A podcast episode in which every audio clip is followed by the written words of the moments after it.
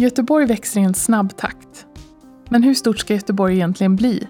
Hur kommer den framtida staden se ut? Och vad styr stadens utveckling? Det här är podden för dig som är intresserad av stadsutveckling i stort och smått. Podden produceras av Göteborgs stad. Programledare är stadsarkitekt Björn Siesjö. Välkomna ska ni vara till höstens andra avsnitt av Götepodd. Podden om stadsutveckling i Göteborg. Idag har jag med mig Sofia Thorsson, professor i naturgeografi på Göteborgs universitet. Stort välkommen ska du vara. Eh, jag har också med mig eh, Johan Rengren som är stadsträdgårdsmästare och jobbar med stadens gröna ytor på ett övergripande sätt. Du ska också vara jättevälkommen. Tack så mycket. Sofia, eh, har du någonting mer att tillägga om vem du är och hur du jobbar? Eh, nej. nej, vad ska jag säga där? Nej. Tack så mycket. Kul att vara här. Ja. Vi ska prata om den täta och gröna staden. Eh, det kanske folk tycker är en motsägelse. Eh, fast idag har vi ju kanske ofta lite motsatsen. Den glesa och inte så gröna asfalterade staden. Så att det är klart att, eh, och det, det känns ju också som en liten motsägelse på sätt och vis. Så jag menar att vi är kanske tvungna att göra den täta gröna staden. Det är av hållbarhetsskäl, av, eh, av miljömässiga hållbarhetsskäl men också av, av sociala hållbarhetsskäl. För gör vi en tät stad som inte är grön, ja, då blir det ingen bra stad för medborgarna. Men Johan, kan du fördjupa lite på det? Ja, men jag tänker att du har helt rätt. Bygger vi en, en tät stad som inte är grön så bygger vi en stad som vi inte vill leva i. Eh, och vi har en, en gles och ganska hårdgjord stad i vissa delar. Det är de delarna, det är där vi ska också skapa nya bostäder men också skapa nya eh, ekosystemtjänster då, som är de tjänster som naturen gör för oss. Alltså skapa mer grönska i de delarna. Så vi ska utveckla de delarna, skapa mer grönt där. Och så behöver vi vara varsamma med det vi redan har. Så att vi inte i anspråk tar eh, viktiga parker och viktiga naturområden för människor när vi förtätar staden. Men det är intressant att prata om ekosystemtjänster. Och det kommer vi säkert prata mer om här idag. Men, men det är som sagt de tjänsterna som naturen gör åt oss. Gratis brukar du säga. Gratis brukar vi säga, men de är ju inte gratis för det kostar ju att bygga parker, det kostar att plantera träd, det kostar att ta hand om de ytorna. Men det vi får tillbaka är värt så mycket mer. Eh, så därför brukar vi ibland säga att det är gratis. Eh, det handlar ju dels om att träden skapar syre för oss, att de renar luften. Det handlar om att de tar hand om regnvatten, men vi har också försörjande ekosystemtjänster, matproduktion eh, och annat. Så det, det finns ju de kulturella med. Att vi mår bra när vi är i gröna miljöer. Våra nivåer av stresshormon i kroppen går ner. Blodtrycket sjunker. Får en bättre hälsa. Men, men vi hamnar ju också givetvis i motsättningar. Mest är det motsättningar om ytan, om utrymmet faktiskt. Eh, för det är, Göteborg är en stad med ganska mycket markparkeringar. Och när vi nu, när vi nu bygger om staden och bygger ut staden så försöker vi göra en annan sorts stad som inte i samma utsträckning är asfalterad. Och, och, och det, gör ju, det gör ju då också att vi, men vi hamnar ju i skarpa konflikter eh, med, mellan det ena och det andra faktiskt. Det gör vi.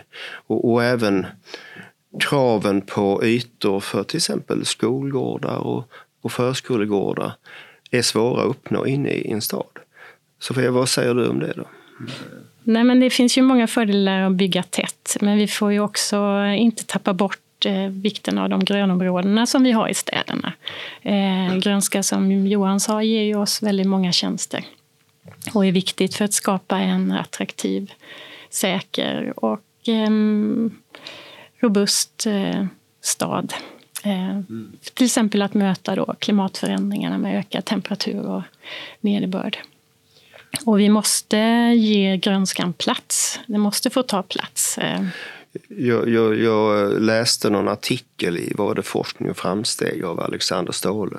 Där pratar han om grönskan i form av yta förstås. Mm. Hur mycket grönska har vi? Kvalitet. närhet och tillgänglighet.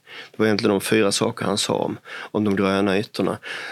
Och jag tycker det är ganska viktigt att vi för in ett kvalitetsresonemang där också. Säger att eh, det kanske är en del grönska som bara ger en av nyttorna. Så här, ekosystemtjänster pratar vi om.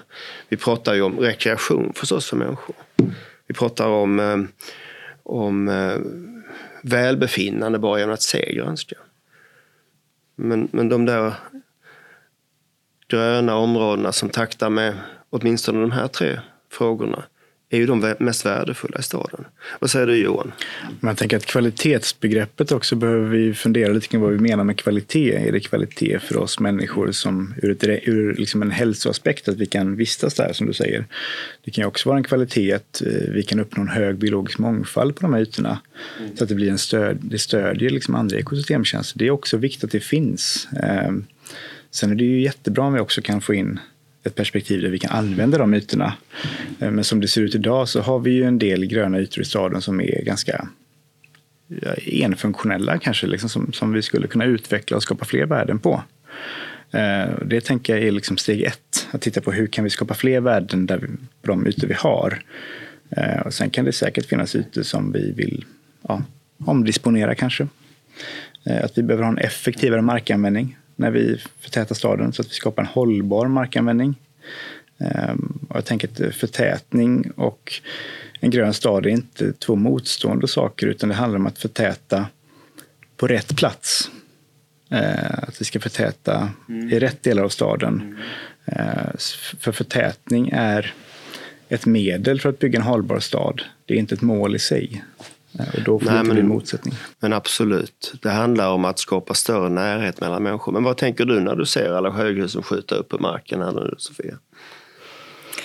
Ja, jag är inte så personligen förtjust i höga hus, om du frågar mig. Men eh, jag tycker man kan bygga tätt på olika sätt, eh, inte bara bygga högt. Eh, täthet mellan funktioner och, och, och också prata om täthet i form av grönska och, och så. Um, ja.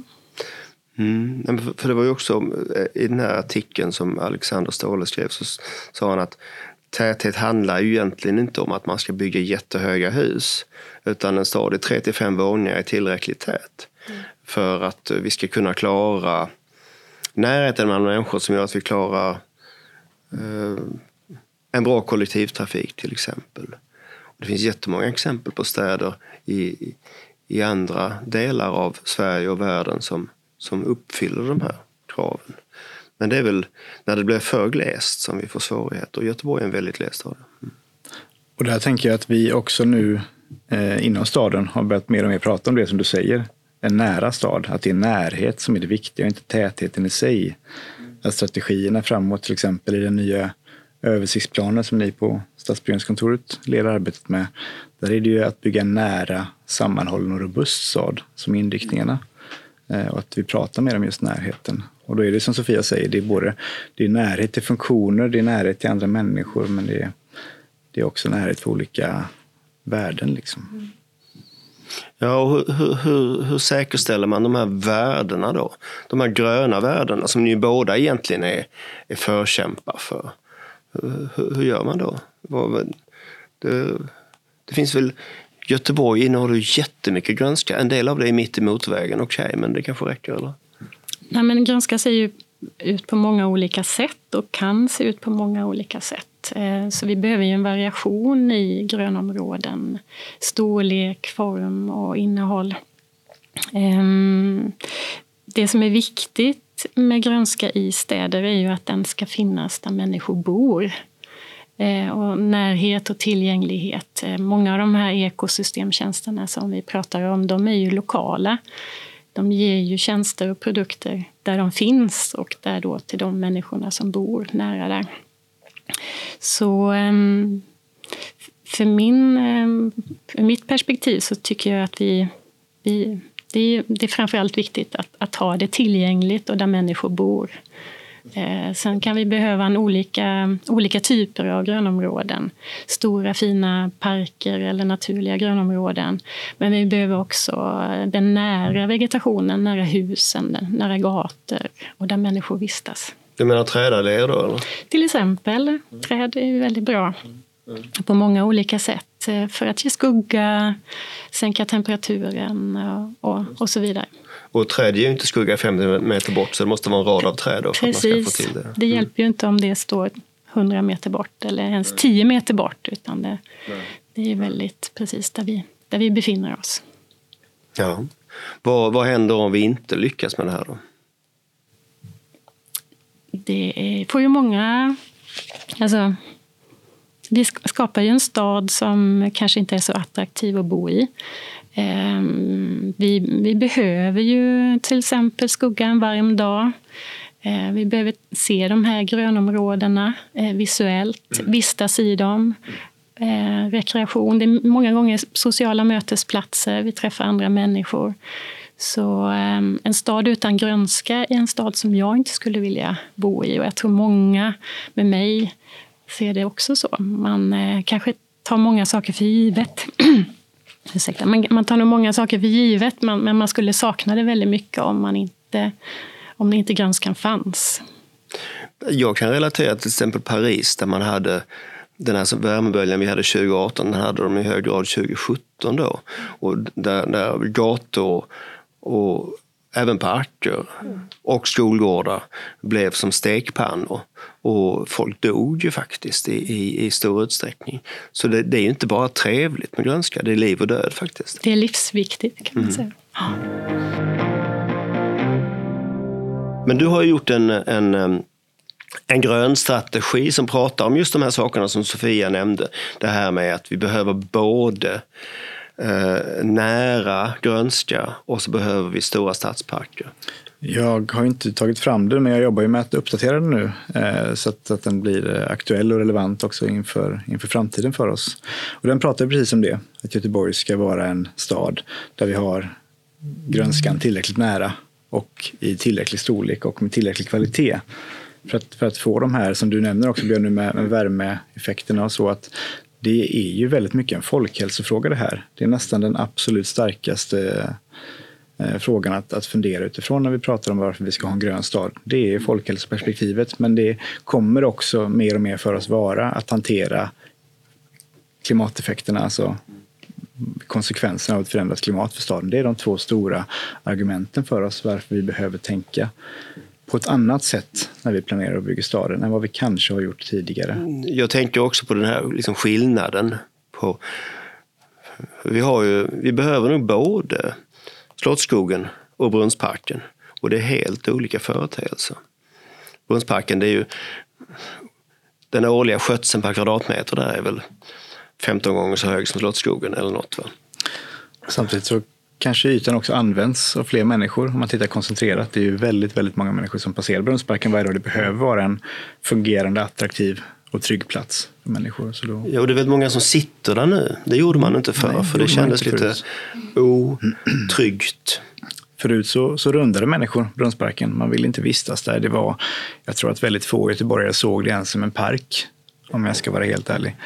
Eh, nu har vi skapat en plats med mer grönska, kanske färre träd, men också mer öppenhet och, och en förutsättning för möte mellan människor. Och, och som du säger, människor sitter där. Det är faktiskt så att vi sett nu att människor sitter där i så hög grad att sittplatsen räcker inte till. Och det, det förutsåg vi inte. Så där har vi en liten nöt att knäcka nu. Men det är kul. Det är ett kärt problem kan jag Ja. tänka. För det, är det- det låter som lyckat ett- exempel. Ja, eller hur? Det är ett ly- lyckat exempel på hur man, hur man förbättrar, hur man höjer kvaliteten på en grön yta får vi säga att den är trots att den inte har gräsmatta. Men det handlar inte bara om gräsmatta. Det handlar om träd, det handlar om planteringar, det handlar om upplevelsen. Någonting att vila ögonen på. Mm. Ja, sen kan jag tänka att vad är då skillnaden med en sån park som Slottsskogen? Vad, vad, vad, om du skulle bara dra skillnaderna mellan de här. Så. Skillnaden mellan Slottsskogen och Brunnsparken är att Slottsskogen är en park som vi alla människor kanske inte måste passera den, men vi söker oss till den för att vi vill använda den. Vi vill mötas i det gröna och vi vill uppleva olika aktiviteter som vi kan göra där. Eh, och det som är så unikt med Slottsskogen det är variationen med de här stora öppna gräsytorna där vi kan ha aktiviteter och de kanske mer naturlika planteringarna där man kan leka och så. Ehm, det är också så att storlek har betydelse för att vi ska få de här hälsoeffekterna som vi pratar om. Ehm, det behövs en viss storlek på, på en park för att man ska kunna uppleva en känsla av rofylldhet eller lugn. Eh, och att vi ska få de här då, positiva effekterna kan man säga. Då är Slottsskogen väldigt viktig för det. Så båda sorterna behövs, men det finns ju också ett mellanting. Jubileumsparken, som ju är väl en liten stadspark kanske? Eller en stor stadspark? Ja, den är medelstor får vi säga i Göteborg. Ja. Men, ja. men det som är så speciellt med jubileumsparken också, det är ju att vi faktiskt bygger staden på ett annat sätt. Det vi pratade om alldeles nyss. Hur ska vi bygga? Jo, men vi ska bygga det gröna först. Att det får sätta förutsättningarna och det sätter också ramen för den staden vi bygger runt omkring. Eh, och, det tycker jag Juliansparken är ett väldigt positivt exempel på det Göteborg faktiskt gör något ganska unikt i Sverige. Vi, vi bygger parken först och sedan bygger vi staden efteråt. Eh, det visar ju faktiskt på att vi tar de här frågorna på allvar, tänker jag. Ja. Och, och, dessutom, vi bygger parken och vi drar dit kollektivtrafiken först. Det är jätteviktigt. Ja, så är det. Vi pratar mycket om att bygga nytt. Eh, vi pratar om jubileumsparken, vi pratar om Masthuggskajen och den parken. Men vi har ju också stadsdelar där vi kanske bygger om och bygger nytt. Men där vi har förutsättningar för att utveckla parkkvaliteter i det som redan finns. Till exempel Selma Lagerlöfs parkstråk ute i Backa vid Selma Lagerlöfs torg. Där vi faktiskt utvecklat en, en eh, hel stadsdelspark utifrån en, en, plats som fanns och helt enkelt bara tillfört mer kvaliteter, fler värden så att fler människor använder den. Eh, det är ju ett sätt att också ha en hållbar markanvändning. Att vi utvecklar och bygger på de här som du kallar Björn, parkeringarna, hårdgjorda ytorna och samtidigt så utvecklar vi de parkerna som mm. finns på platsen. Ja, för, för Selma har blivit både tätare och grönare faktiskt här nu. Eh, det är tillfört 800 bostäder på, på en asfaltyta som har varit parkering tidigare. Och vi, vi, vi har gjort om eh, och eh, gjort grönare stråket genom området. Ja, och nu pågår ju planering för nästan tusen bostäder till där ute. Och då tänker jag, då är det naturligt att vi bygger vidare på Selma Lagerlöfs parkstråk och bygger ut resten av det och utvecklar det också. Mm. Så att vi, vi faktiskt även där eh, mm. ser till att, att eh, det finns ytor och kvalitet för de människorna som ska bo där. Mm. Så, så, det har jag gott hopp om att vi ska göra det. Sofia, du pratar ju Ja, det gör du också Johan. Du har, du har pratat om Sofia att, eh, att de gröna ytorna minskar i våra städer och att de minskar i Göteborg också. Samtidigt hör man från andra håll att det är väldigt stora ytor som är gröna jämfört med andra europeiska städer. Vad har du att säga om det egentligen? Jo, men om vi har tittat på just då på hur grönskan har förändrats sedan eh, 86 och fram till 2019 och då har vi sett att grönskan har minskat med ungefär totalt sett 2% i Göteborgs kommun. Ehm, och det kan ju tycka lite eller mycket, men, men det är ju en negativ trend. Det, det sker ju en minskning och den är kontinuerlig. Ehm, Göteborg är väl som kommun ganska eh, grön får man säga. Men eh, det finns ju också stora områden inom Göteborg som har lite eller ingen grönska. Och eh, den här minskningen som man har sett, eller som vi har sett, den sker ju också i de här områdena där det redan är lite grönska. Ehm, som innerstaden eller mellanstaden. Där den är då väldigt viktig att bevara. Sofia, jag tycker det är intressant att du börjar prata om kvalitet här. Du pratar om, om, om träden, du pratar om sådana saker. Har, har ni i forskning sett att det finns bättre och sämre grönska i Göteborg? Eh, ja, men vi har tittat på, eh, försökt uppskatta mm, värdet Eh, det samlade värdet av olika ekosystemtjänster av olika typer av urban grönska inom, inom staden.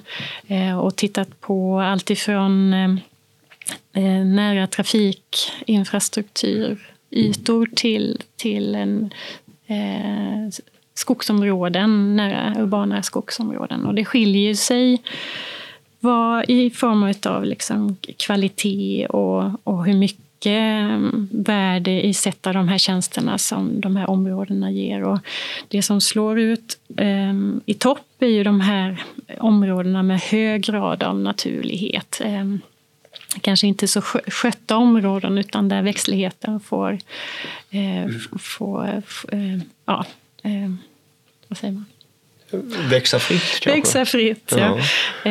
Och ja. de uppskattas ju också väldigt mycket utav boende och används väldigt mycket och utav boende. konkreta exempel på det då?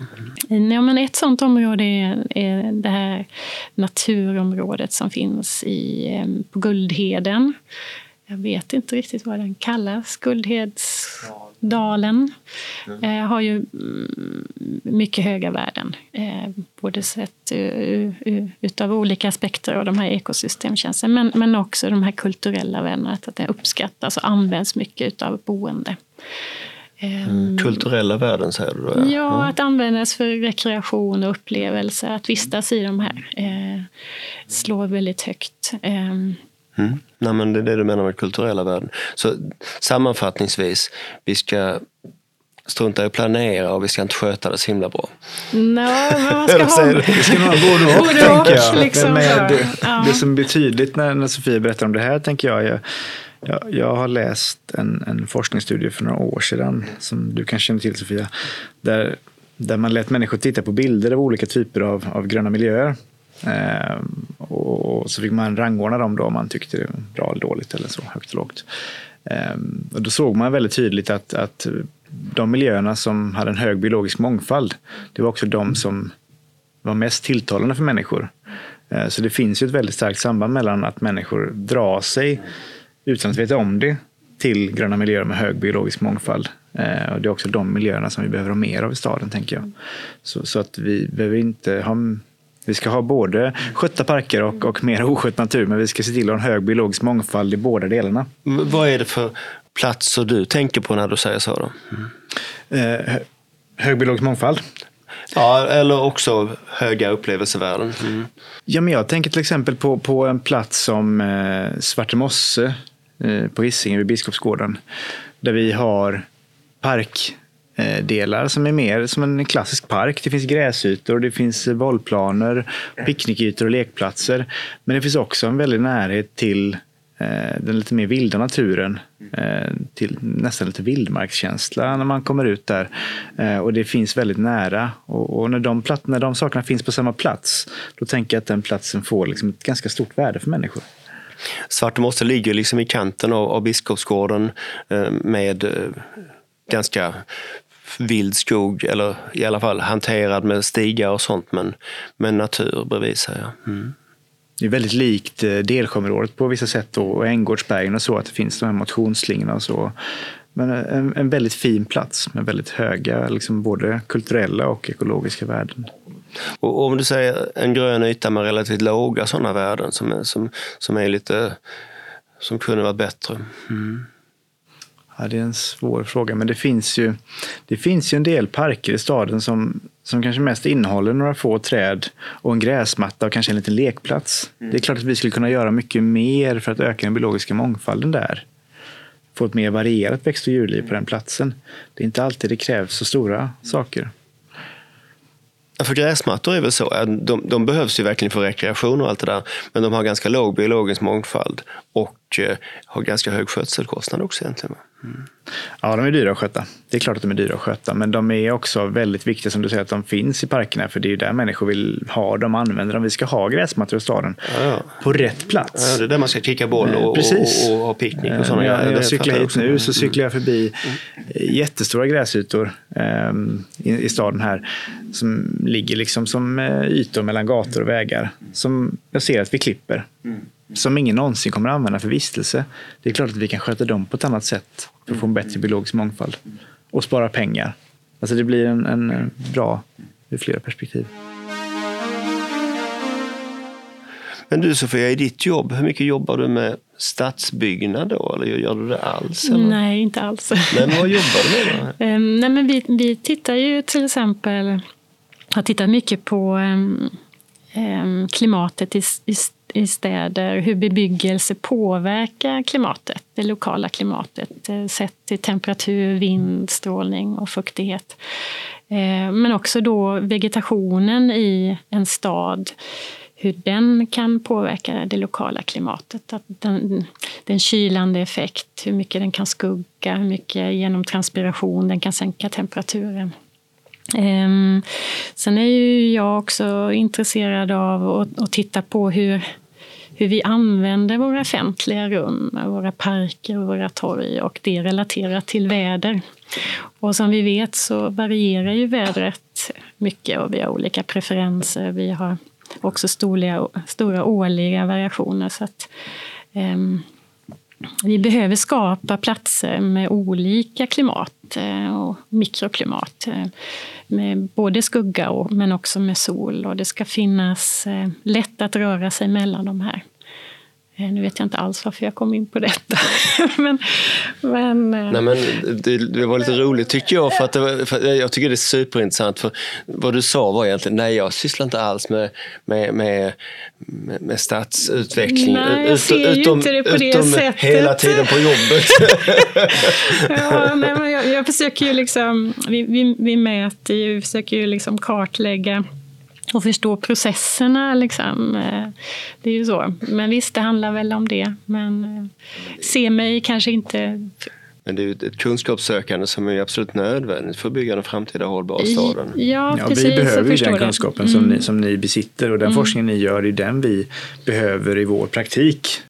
Det låter bra. Nej, men det, det är ja. jätteviktigt. Jag tänker att, att när man, när man eh, jobbar med de här frågorna så ska vi bygga våra beslut på forskning och kunskap. Eh, det måste vi göra och det är också det som vi behöver hjälpa politiken med. Mm. Att, att skickliggöra dem, att skickliggöra politiken och, och, berätta de här frågorna så att de kan fatta sina beslut på, på så bra grunder som möjligt. Det eh, tänker jag är ett av våra viktigaste uppdrag som tjänstepersoner faktiskt. Att lyfta fram de här gröna frågorna och prata mer om dem. För att det kan vara så att vi jobbar inte med de här frågorna tillräckligt mycket för att vi kanske behöver berätta mer om det än vad vi gör idag. Ännu mer. Vad jag ofta upplever är att vi jobbar ganska mycket med kvantifiering men vi jobbar inte med, med eh, upplevelseaspekter och sådana saker lika mycket. Hur gör du i din forskning? Gör du tabeller över saker eller hur funkar det? Mm. Jo, nej men det, det, är väl det vi gör. Försöker liksom titta på samband eh, mellan olika variabler då. Eh, och förklara då varför det ser ut som det gör. Eh, förstå processerna bakom. Eh, men sen vill man ju omvandla det till konkreta exempel, hur vi gör bäst. Eh, goda exempel eller riktlinjer. Mm. Hur man kan då, som man kan använda i, när man planerar städer. Var, var ska man placera träd till exempel för att ge bäst kylande effekt? Eller hur, hur tätt ska vi bygga? Och, och så vidare. Vad är din bästa gröna plats i stan då, Sofia? Mm, men jag tycker Göteborg har många fina grönområden. Favoriten och Slottsskogen tycker jag. tycker jag är en fantastisk plats. Eh, den är stor, den är tillgänglig, den inbjuder till många olika aktiviteter. Mm. Ja, sen har vi Änggårdsbergen. Vi har många fina områden som jag ser det. Och som då är centrala. Mm. Jag tänker också på den blå strukturen. Nu pratar vi mycket grönska här, men jag tänker vi är också en, en stad med väldigt mycket vatten på olika sätt. Bäckar, åar, älvar, hav. Eh, det är också en, en eh, kvalitet att lyfta fram. Eh, och när vi kan få till både det gröna och det blå samtidigt så, så, så har vi liksom en, en jättebra förutsättning för miljöer där människor vill vistas men som också är viktiga för den biologiska mångfalden. Vi tittar på Mölndalsån eller Sävån eller Kvillebäcken. Ja. Sofia? Nej, men jag, jag, tänker att Göteborg har ju fantastiska förutsättningsar att skapa en attraktiv stad. Vi har, vi har ju rätt mycket grönt, vi kan utveckla det, vi har närheten till vatten. Mm. Mm. Att förvalta det och, och, och... Jag tycker också att vi har, vi har eh, just det här som ni pratar om, de här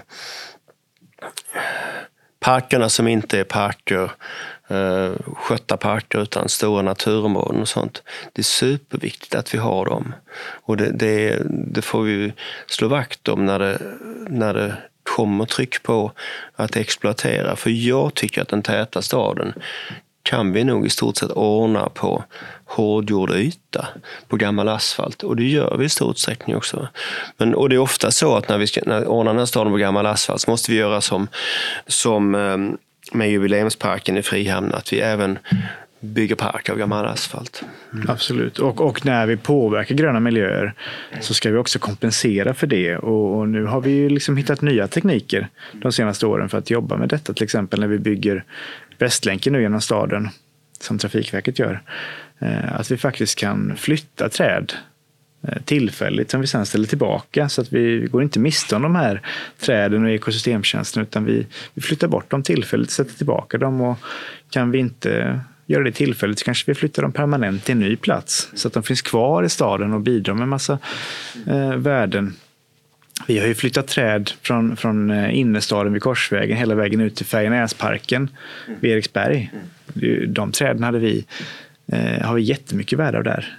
De bidrar med fantastiska saker när vi får de här stora uppväxta träden på plats mm. tidigt. Men de får man inte tillbaka till sin ursprungliga plats? De får vi inte tillbaka då, utan då får vi se till att vi också skapar förutsättningar för att, som vi sa, kompensera för de träden som försvinner. Att vi faktiskt planterar nya träd på Korsvägen när Korsvägen är färdigbyggt så att det också fortsätter vara en grön plats. Mm. Men det är ett sätt att faktiskt se värdet hos det gröna. Att det, det, det är värt att lägga pengar på detta. Det finns ett väldigt stort också um, engagemang, tänker jag, hos medborgarna för att vi ska jobba på det sättet med. Jag skulle vilja fråga lite grann också mer i detalj. Vad är det vi gör idag som vi inte ska göra nästa vecka? Vad är det för förändringar vi måste göra? För det handlar inte bara om det här eh, stora drag, tätt och grönt och försöka spara orörd natur. Det handlar om hur gör man? Hur ska de gröna områdena se ut? Vad ska de ha för funktioner i framtiden? När vi gör det här så att, att hela tiden tänka in eh, gröna lösningar kan jag ibland kalla det. Men, men alltså tänka in hur kommer det gröna in i den här frågan? Hur kommer det gröna in i det här projektet? Vad är det viktiga att trycka på här? Eh, för att ska vi kunna bygga en stad som är en jämlik stad och som är en eh, långsiktigt hållbar stad som kan hantera ett förändrat klimat så måste vi jobba med gröna lösningar. Eh, det skapar en roligare stad, en mer attraktiv stad, en mer hållbar stad. Men de kostar också mindre pengar. De håller längre och de ökar i värde över tid. Vad, vad, vad, tänker du om framtiden? Vad, vad, är liksom, vad tänker du? Eh, är du eh, tänker du att när det här går käpprätt åt, åt skogen så att säga? Eller tänker du att Nej, men det, det, tänker jag inte. Jag, jag tänker att, att um, vi, vi inser mer och mer vikten av, av till exempel då grönska som vi har pratat om idag. Uh, vi ser det vi ser det som någonting vi måste ha, eh, något som vi vill ha för att skapa bra städer. Så jag är väl positiv och tänker att vi, vi kommer värna mer om det här och sätta det högre på agendan. skulle jag i alla fall vilja se. Eh, och jag hör ju dig säga idag, och dina visioner och att du ser att det är viktigt. Och att, ehm, så jag är väl hoppfull, men det är ju en utmaning.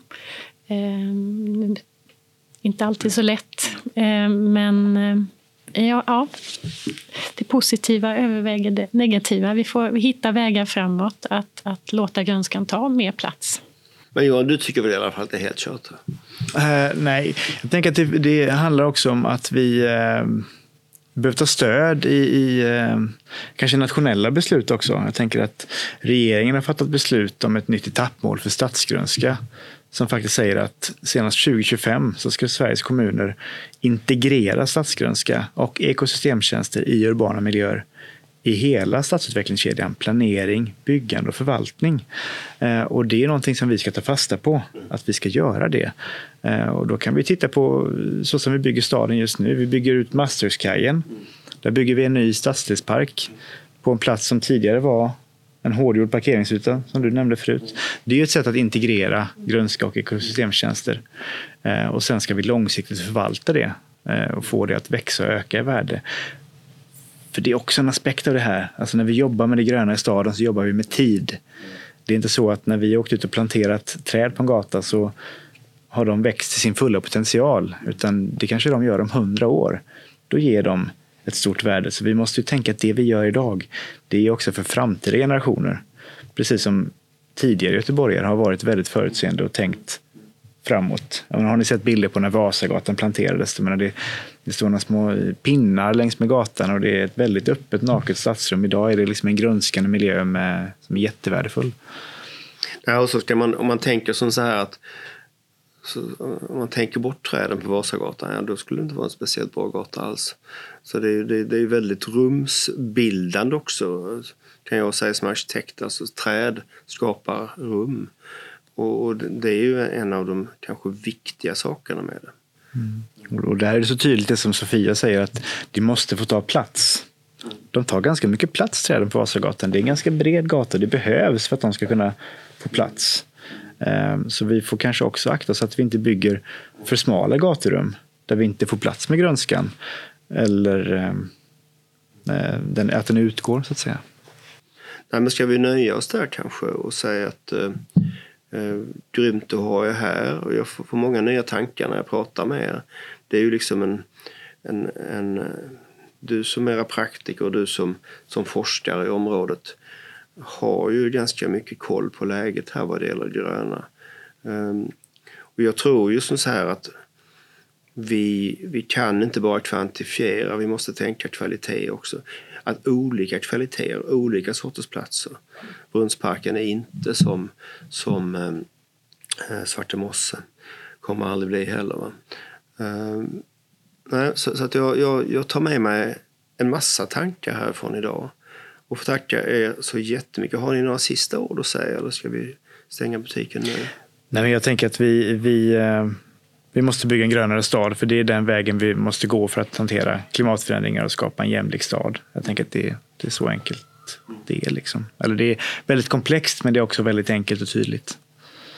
Målet är enkelt, eh, ser jag. Vägen dit är svårare. Men, eh, men kan vi bestämma oss för vart vi vill och vart vi ska så, så kom, kan vi ju komma dit så småningom. Mm. Eh, tänker nej, jag. Nej, visst. Och, och, och, som sagt, yta är en bristvara i en stad. Då måste vi använda den så klokt som möjligt. Tack för idag. Tack så mycket. Mm, tack, tack Johan. Tack Sofia. Eh, då kan vi väl säga som så att eh, vi avslutar den här podden idag den andra under hösten. Och eh, ni hittar Götepodd där poddar finns. Tack för mig, tack för oss. Hej då! Du har hört ett avsnitt av Götepodd som produceras av Göteborgs stad. Redaktörer är Ann Bergermark Vintala och Peter Wandling samt redigering Alexander Ljungqvist. Läs mer om Göteborgs stadsutveckling på www.stadsutveckling.goteborg.se